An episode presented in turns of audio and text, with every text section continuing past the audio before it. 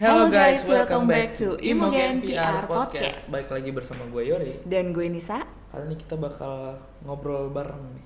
ngobrol bareng dengan seseorang yang cukup famous Iya. di LinkedIn dan banyak banget Betul. Iya. Tapi serius temanku banyak yang nanya. makanya banyak yang kepo gitu sama Iya. sosok ini ya Iya, betul, betul. super sekali ya Karena sudah banyak dikenal Kalau di- ngomongin soal Imogen, ah. pasti ngomong soal beliau. bener banget Betul. udah jadi representatif dan kayaknya ikonnya Imogen tuh om kita satu ini Eh ya, om kita yang satu ini. iya kira-kira siapa sih Yor? Siapa ya langsung kita panggil? Halo Om Jojo. Halo, apa Oh, kabar? Baik, Om gimana kabarnya? Baik. Alhamdulillah sehat. Alhamdulillah Lagi sibuk apa nih Om kira-kira? Lagi sibuk ngurusin inter deh. Iya.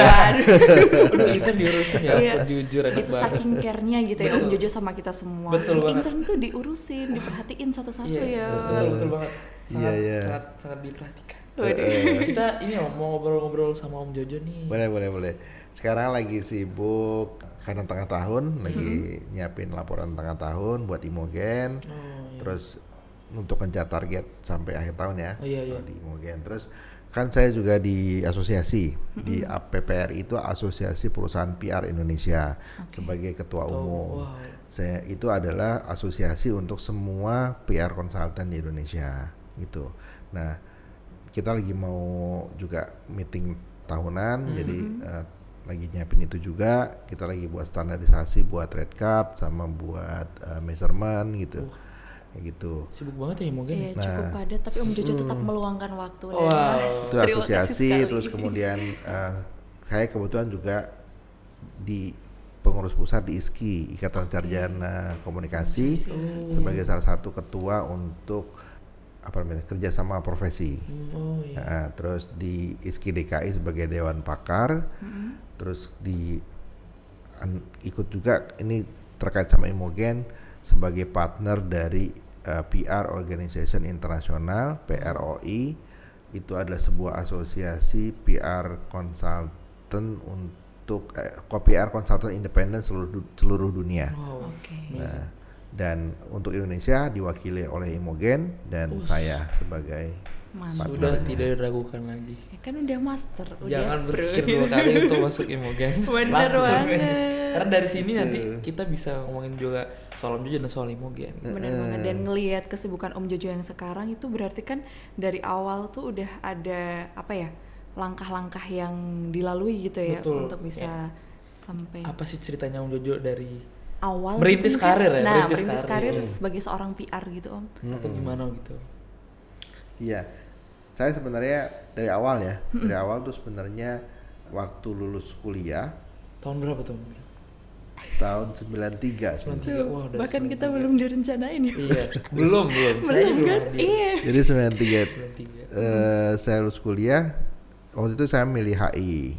Jadi kenapa saya pengen HI karena pengen keliling dunia ceritanya. Oh iya benar benar benar. Bukan oh, internasional kan? eh, Iya. Ternyata memang takdirnya bukan di sana, jadi saya nggak lulus UMPTN. Oh. W- namanya UMPTN dulu ya. Nama Iya. sekarang SPB. SB, sama SBMPTN. SBM. Nah, iya.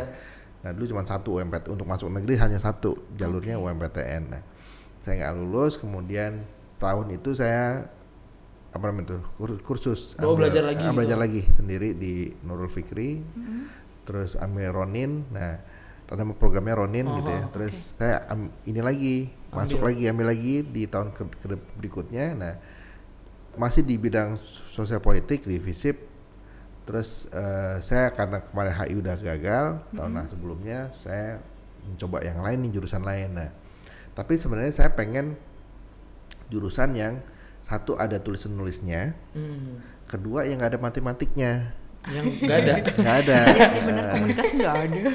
Aku Nah, saya tanya ke Iya. senior, ma, a- a- jurusan yang nggak ada matematiknya, oh itu komunikasi. katanya. Oke. yang nulis-nulis ada nulisnya iya karena saya senang nulis saya dari SMA saya senang nulis dulu zaman dulu ada majalah dinding tuh saya nulis Oh, terus saya mading, ju- mading. mading-mading tuh saya suka nulis terus juga bahkan saya nulis buat lembar Jumat Lembar Jumat.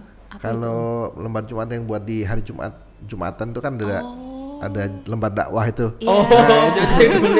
Wah, mantap. Jadi emang tulis menulis adalah passion Om Jojo.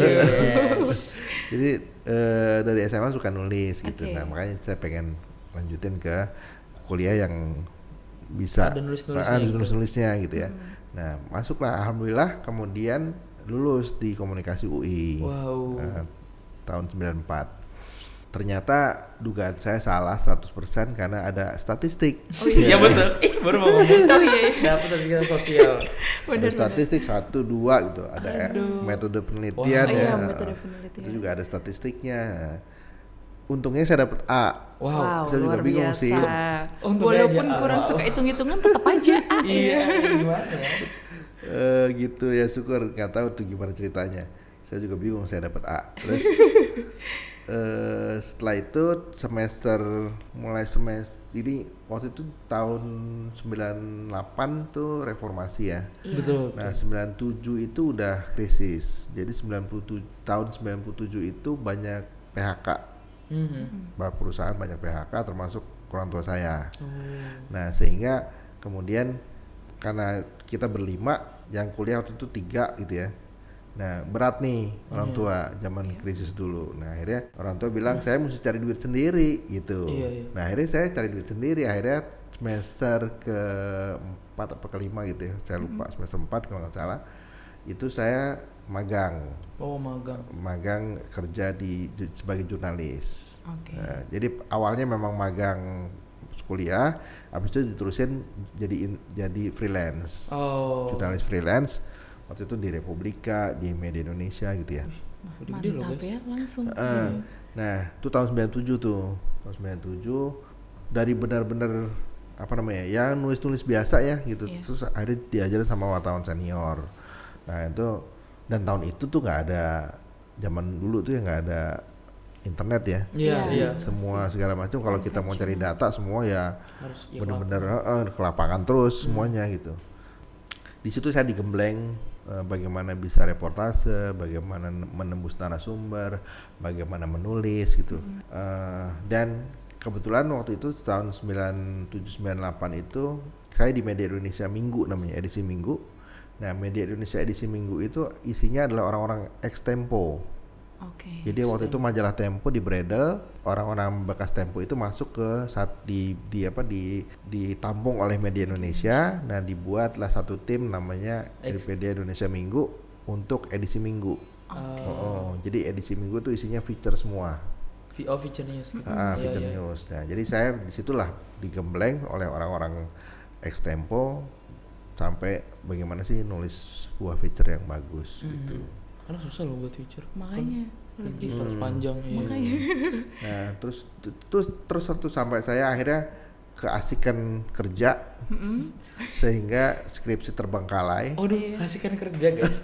Soalnya kalau bekerja kan menghasilkan pundi-pundi uang. Iya, harus jujur. Akhirnya eh, saya lulus terus terang saya lulus tuh enam tahun. oh, karena pending kerja. Iya. Heeh, saya kerja. enam tahun. Dulu masih boleh tujuh tahun Oh. kuliah. Belum Jadi sampai limitnya itu. Eh, saya enam tahun belum sampai limit. Enam tahun sudah saya beresin skripsi saya terus akhirnya lulus. Nah, jadi sejak dari dari kuliah sampai kemudian saya lulus itu ya saya lulus itu saya jadi wartawan lagi gitu. Hmm. Jadi saya nggak pernah ngelamar. Semua pekerjaan saya pasti by recommendation. Oh, ada koneksi gitu. Ah, by recommendation orang lain karena yang tadi ya saya menjaga kondite dan orang tahu saya mungkin orang lihat kerjaan saya Kinerjanya, bagus kemudian iya. direkomendasi gitu. Wow. iya. Terakhir saya kerja jadi wartawan tuh di astaga.com tahun Astaga.com. 2002. Astaga.com itu portal lifestyle terkini lah pada saat itu ya. Iya. Nah, zaman internet baru masuk Indonesia. Di astaga.com itu 2002, tapi ke- itu kan waktu itu ada bubble internet company. Jadi perusahaan-perusahaan internet tuh berjatuhan. Oke. Bubble bubble ini IT company jatuhan termasuk astaga.com dia tutup. Hmm. Akhirnya saya juga kena layoff gitu. Nah, dari kena layoff itu sebenarnya saya masih tetap pengen jadi wartawan. Cita-cita saya sebenarnya jadi wartawan TV. Oh, Kenapa biar muka saya ada di TV? biar everyone know. Wah, Iya. sekarang nggak perlu di TV udah banyak dikenal oh mukanya. Iya, kan itu zaman dulu, iya, udah jadi TV. Jadi kan kalau orang di kampung wah gitu kan lihat ada saya muka saya di TV. Jadi Iya. pengen Bisa. Nah, tap- saya dua kali tes gitu di eh, SCTV sampai di depan kamera semuanya lolos sampai sampai gagal di depan kamera Pasti grogi banget ya. grogi banget depan kamera terus udah gitu yang wawancara saya itu penyiar-penyiar SCTV Oh, yang- dan saya kan grogi kan lihat "Wih, penyiar SCTV yang sering saya lihat di TV kan gitu. Malah bingung ya. itu di depan saya mereka tuh saya di sorot TV kamera dua tuh saya ada, ada lampu segala macam kan grogi kan Iya. panik kan gitu. Padahal sebenarnya ya cum- cuma suruh baca berita gitu tapi karena nggak biasa depan kamera terintimidasi sama kamera Iya. akhirnya saya grogi jadi au au jadinya Heeh. akhirnya gagal tuh ya di jadi penyiar TV gagal nah sampai kemudian yang dilalah waktu itu memang karena banyak perusahaan tutup, banyak perusahaan media juga tutup, sehingga banyak tenaga kerja gitu loh wartawan. Jadi kita berebut gitu istilahnya. Oh, iya. Persaingannya jadi Persaingannya lebih tidak ketat, gitu ya. persaingannya. Jadi saya yang junior ya kalah gitu dari senior senior.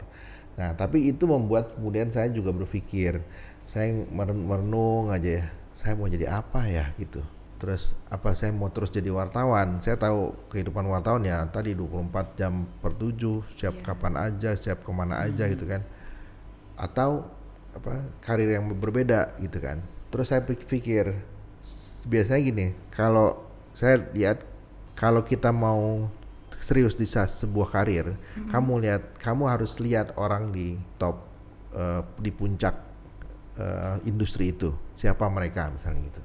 Nah, pertama kamu bisa nggak jadi mereka atau kira-kira mereka inspiring nggak buat kamu gitu. Pertama inspiring dulu ya, inspiring nggak? Kalau inspiring terus kira-kira bisa nggak kita ke- kayak dia gitu?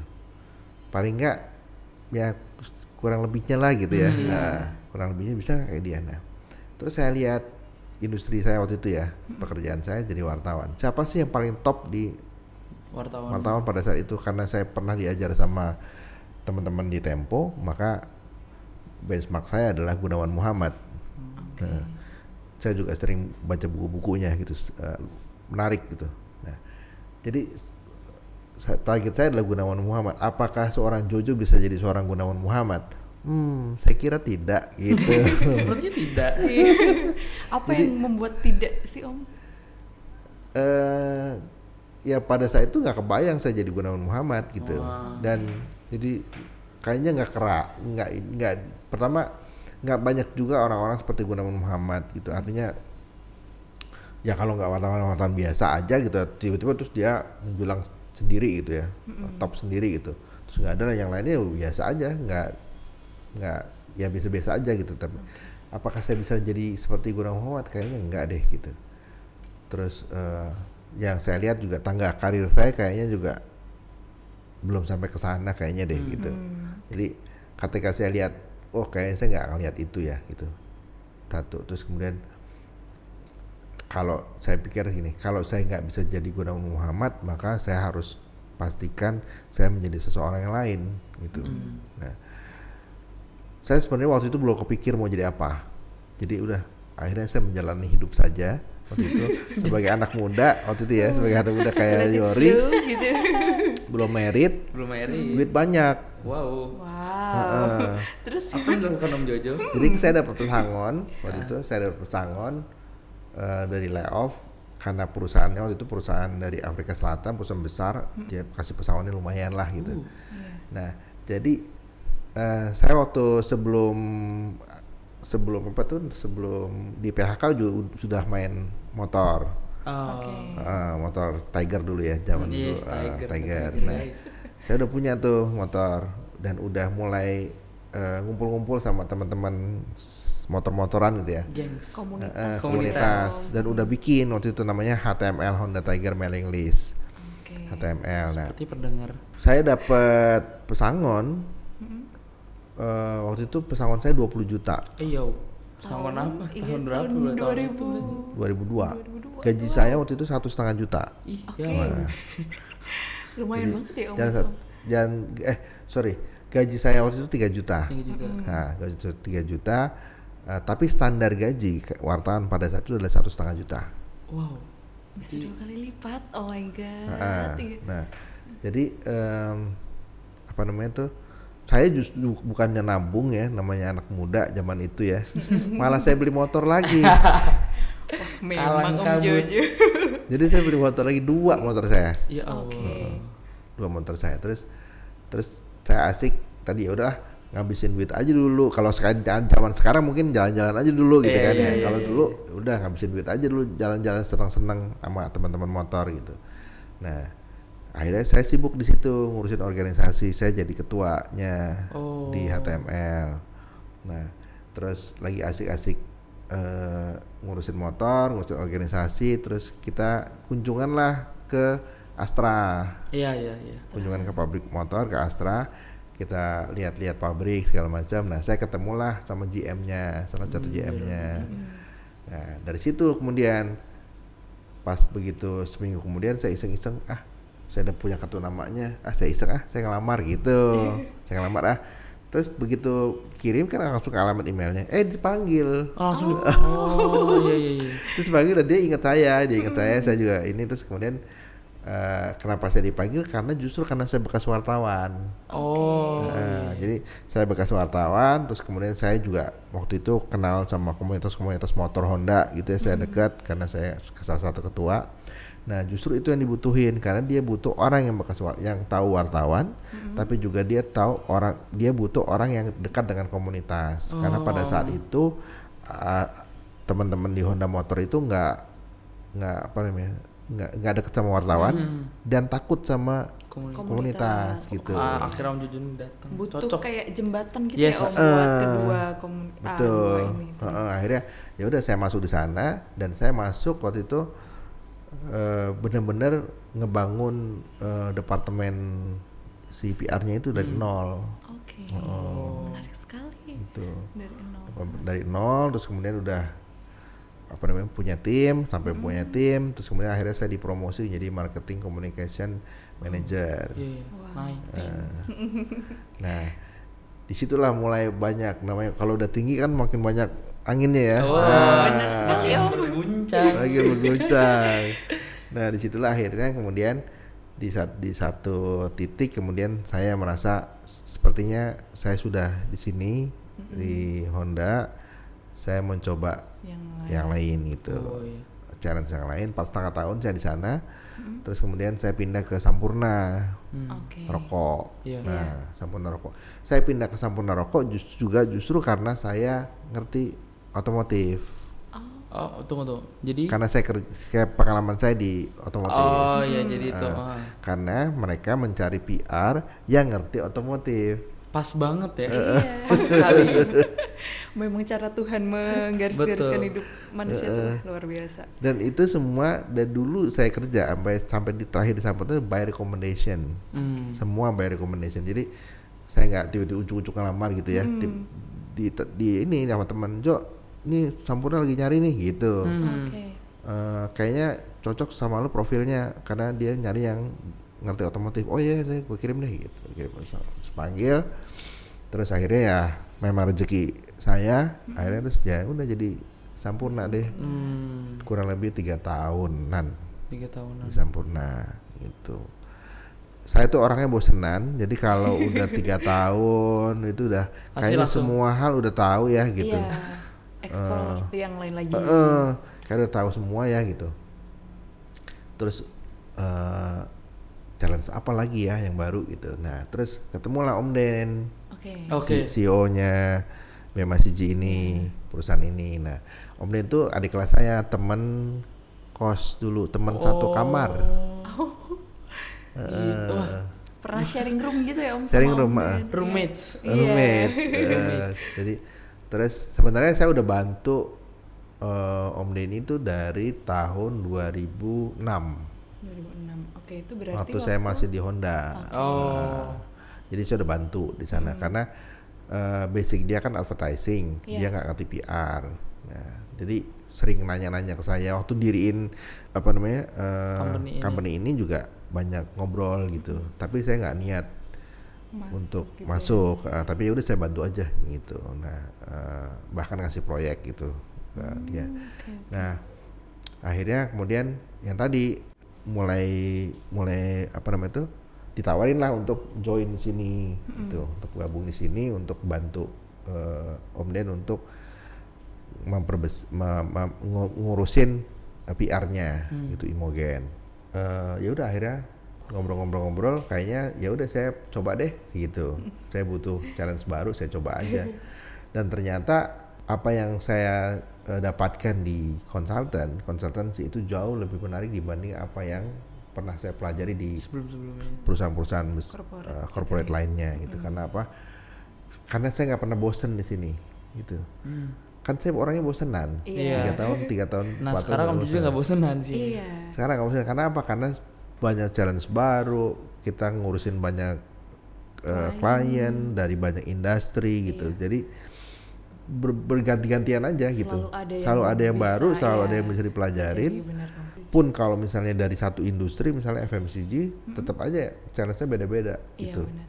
Jadi nggak pernah bosan. Jadi saya sekarang berarti udah hampir 9 tahun. wow 9 tahun. biasanya tiga tahun ya Tiga tahun, om Jojo sudah setengah tahun terbang mentoknya. Iya. iya sudah ah, ke mana sekarang udah 9 tahun oh lama banget ya Makanya dan apakah sebelumnya Om Jojo pernah membayangkan nih Om kalau pada akhirnya akan berkarir di dunia PR dan sampai di posisi sebagai Dari wartawan director? Iya benar banget.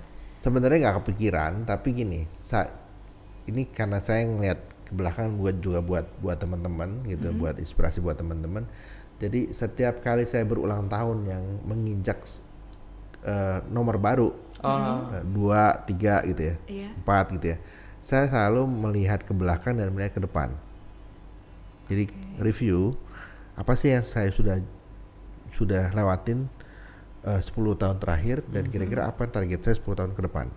hmm, hmm. Yang ngomongin lima tahun ya ngomongin 10. Ngomongin 10 tapi jarak panjangnya 10, jarak pendeknya 5. Iya iya Nah, jadi saya udah nguku 10 tahun ke belakang s- saya ngapain aja, terus lima tahun terakhir saya ngapain aja, terus 10 tahun ke depan saya targetnya apa dan lima tahun ke depan saya mau ngapain gitu. Nah, selalu saya review. Saya bersyukur saya udah dikasih umur dan eh, apa yang sudah saya kerjakan dan ah, mau jadi apa saya dalam waktu 10 tahun ke depan gitu. Nah, jadi eh, ibaratnya kita di satu anak tang di bordes kalau saya bilangnya bordes Kep- ganti ke- kepala depan umur kita kepala depan tuh sama seperti kita eh, berhenti di bordes jadi anak tangga dikira banyak nih Hmm. Iya. nah anggaplah setiap 10 anak tangga itu ada bordes ada tempat buat istirahat nah iya iya pada saat itu dikasih bordes ya dikasih Nengok. waktu kita untuk nengok ke bawah Sama. 10 anak tangga di bawah dan 10 tangan di atas Iya. nah Persiapkan. gitu kan nah Oke. Eh, di situ saya juga berpikir tadi mereview dan mulai oh kayaknya saya mau begini gitu.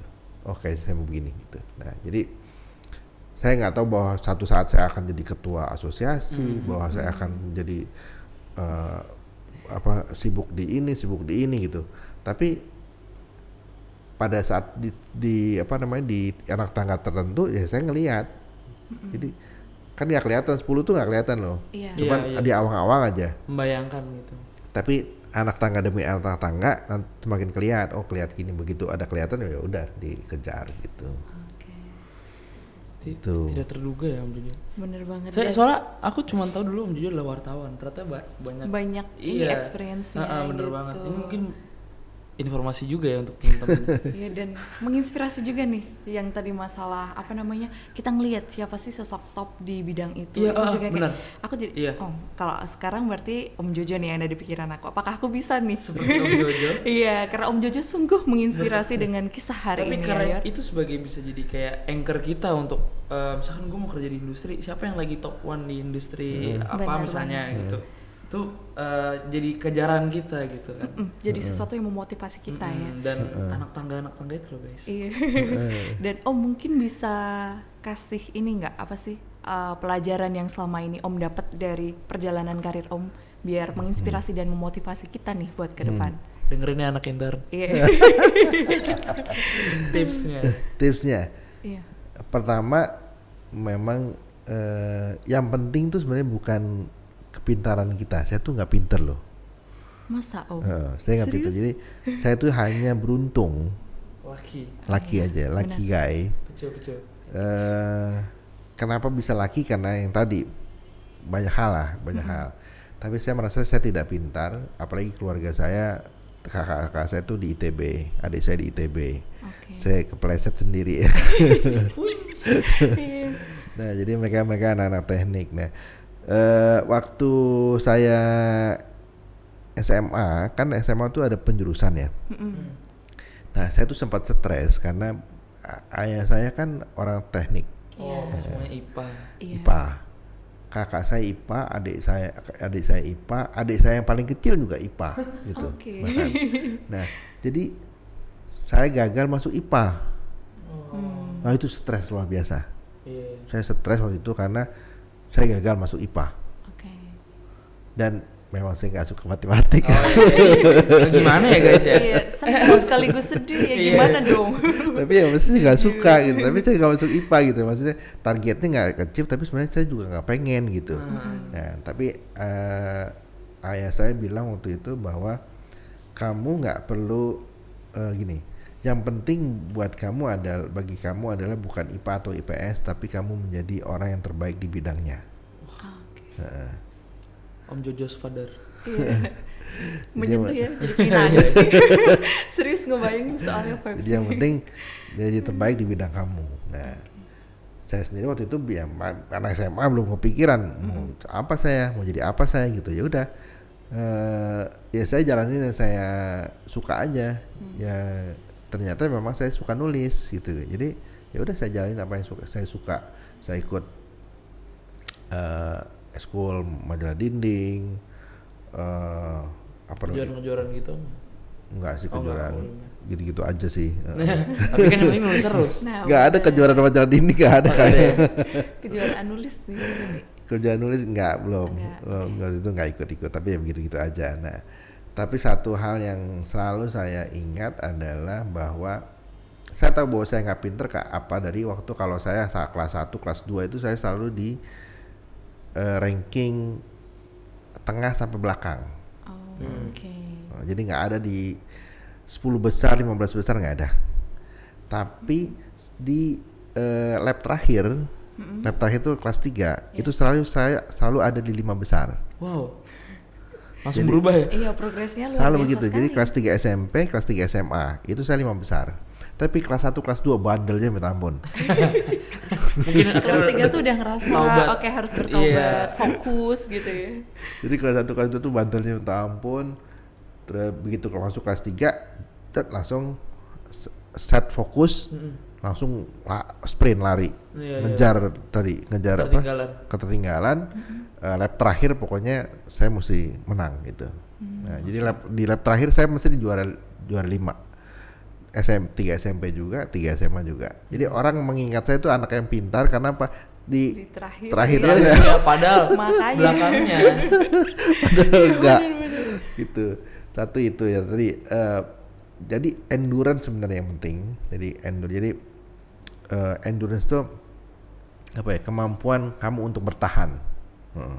Mentalnya. mentality mentalnya kemampuan untuk bertahan eh karena ya orang biar sepintar apa pun kalau kemudian dia nggak punya endurance begitu kena halangan jebret selesai Iya.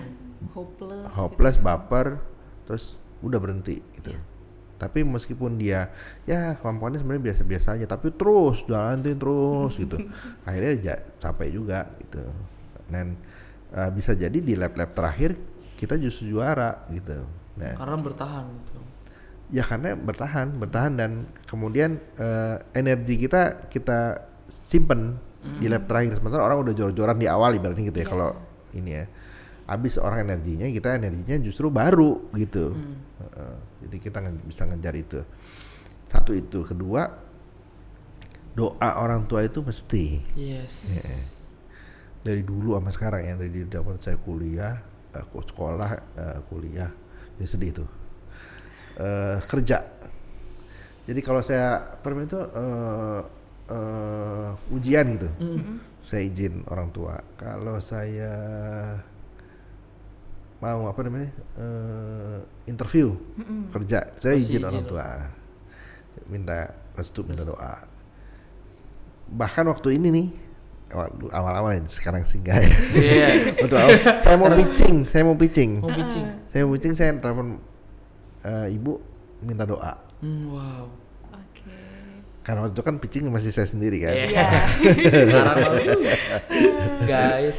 Iya. Langsung deh. jadi jadi eh, tapi sekarang masih terakhir ketemu eh, nyokap juga masih minta doa gitu. Jadi setiap ketemu orang tua minta doa, minta restu kan apa? Doa orang tua itu langsung tembus ke langit. ke langit. Masya Allah. gitu. Nah, jadi eh, sepinter apa pun kita kalau orang tua nggak restuin ya nggak jadi apa-apa. Betul. Saya setuju sangat setuju. Bener banget. Kalau udah ngomongin keluarga orang Wah, tua itu ah, hmm. udah Udah sangat bisa. dalam gitu. Yes. Nah. Nah itu jadi tadi endurance orang tua gitu ya. Terus kita yang ketiga adalah orang sekeliling kita. Hmm. Oke. Gitu. Jadi kita tadi dari mulai dari diri kita sendiri, jangan suka baperan, jangan eh, patah semangat. Kedua orang tua. eh, ketiga adalah orang sekeliling kita. Orang sekeliling kita tuh bisa siapa pun, bisa teman, bisa adik kakak, bisa kalau udah keluarga bisa istri, anak-anak gitu. Jadi mereka yang sebenarnya eh, apa tim sorak ya namanya. Tim sorak kan? Tim Tim hore. zaman sekarang apa ya? Apa tim hore bukan? Mood booster apa? Ya. Booster. Ya, mood booster ya. Jadi kepada saat kita kemudian lagi eh, Down. Gitu. down, eh, mereka yang jadi semangat gitu ya. Jadi sedih. Oh. Bener sih om. Iya. Berarti eh, emang itu yang harus diperlukan sih. ya, Bener banget. lagi aduh Kita butuh alasan untuk terus semangat dan melaju ke Iya. depan. ya, semangat ya Nisa. Iya. Makasih Yuri. Siapa tahu nggak ada yang disemangatin. Bener banget dan bisa siapa aja bisa jadi pacar, bisa jadi kalau saya kan sekarang anak-anak sama istri. Tapi kalau dulu ya teman dekat, sahabat, ya pacar mungkin gitu ya. Nah, eh, jadi mereka ya orang-orang yang di samping kita yang ayo ayo ayo gitu. Iya. Yang men-trigger kita buat terus semangat ya om ya.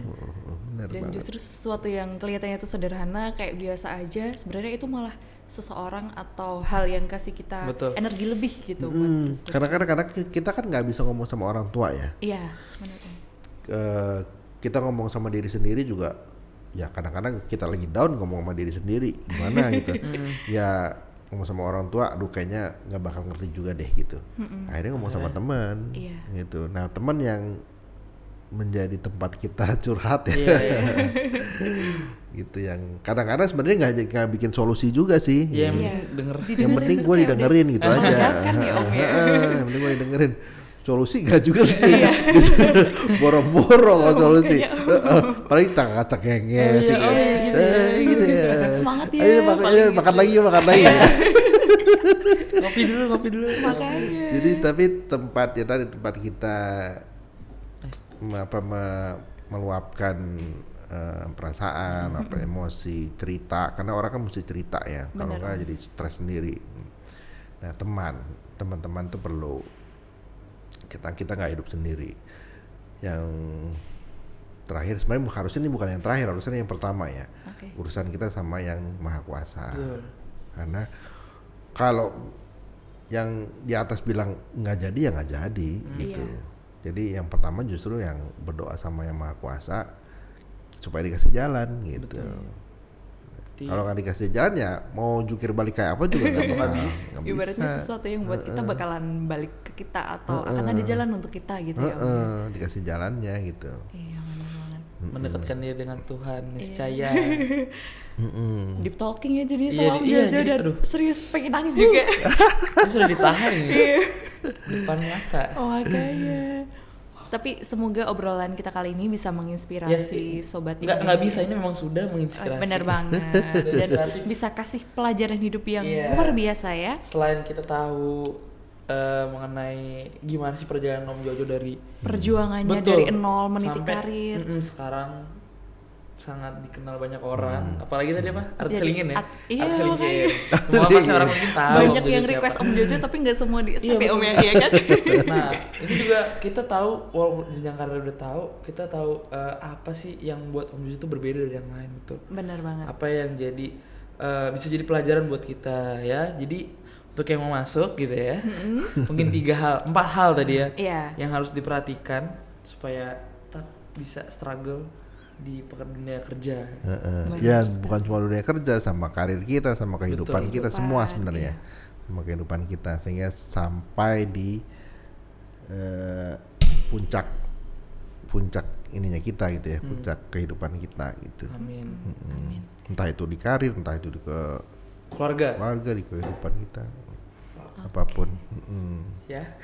kalau saya kan sekarang udah kepala empat ya kan tepatnya sekarang empat empat nah jadi udah di tengah-tengah bordes yang berikutnya adalah 50 kalau Iya. sampai umurnya nah dari 50 nanti saya melihat lagi apa sih yang sudah saya Kemarin, Iya. 40 dari umur sampai- 40 sampai 50, sini iya. 50 dan 50 Puluh ke ke depannya depannya. sampai nggak saya nih Ya, gitu kan doakan ya, ya, doakan Allah. Gitu, nah. Sampai eh kalau di sekarang di masa-masa ini ya sebenarnya eh, apa ya eh, buat saya adalah target saya adalah bagaimana memberikan manfaat buat orang lain Betul. gitu Yes, benar. gitu entah itu keluarga entah itu sahabat teman-teman semua orang yang pernah mendukung saya gitu jadi mesti eh, berbagi lagi sama ya, orang lain jadi manfaat untuk orang lain juga Ba- hidup kita. eh, eh, Benar jadi banget. bahkan bu- mungkin juga buka- buat orang yang kita nggak kenal gitu ya Hmm. Iya. ke mahasiswa ke siapa gitu yang Iya. orang-orang lain gitu ya yang ya udah berbagi ilmu yang bermanfaat berbagi sesuatu yang menginspirasi gitu Oh iya, Om Jojo ini loh. Kenapa? Selain sibuk di kantor juga sibuk di kampus loh. Iya kan Iya, ngisi-ngisi gitu kelas kan. gitu. Mungkin Mm-mm. teman-teman mahasiswa Yang banyak kita yang kasih link aja mengidolakan. untuk langsung ke Silahkan Jojo. kepo-kepo juga Iya, bisa. langsung kelas si Om Jojo gitu. Wow, Gimana Yor? sangat Menginspirasi. Oke. Iya. Dan mungkin kalau sobat Imogen ada saran nih pengen ngobrol apa lagi dengan Om Jojo bisa kirimin ke kita ya. Iya. Bener. Bisa kirim lewat DM atau mungkin lewat kolom komentar yang pengen tahu lebih lanjut tentang Om Jojo bisa nih Yes. uh, next episode gitu ya Next kita episode. bikin uh, cerita-cerita yang lain dari Om Iya, Jojo nanti gitu. kita bakalan tampilin pertanyaan kalian di Instagram. Yes, benar banget. Uh, uh, nanti kita langsung mau nanya apa tentang Om Jojo gini langsung. Soalnya banyak banget nih yang penasaran dengan Om Jojo ini. Betul. Dan ini merupakan salah satu langkah awal gitu buat Betul memperkenalkan Om Jojo dan backgroundnya Om Jojo gitu. Yes, oke. Mungkin sekian dulu untuk podcast kita kali ini. Terima kasih Om Jojo yang sudah berbagi sama kehidupannya. semoga menginspirasi Amin. Kalau gitu, sampai jumpa di podcast berikutnya. Gue Yori. Dan gue Nisa. dan gue Jojo Till next time. Dah. dadah bye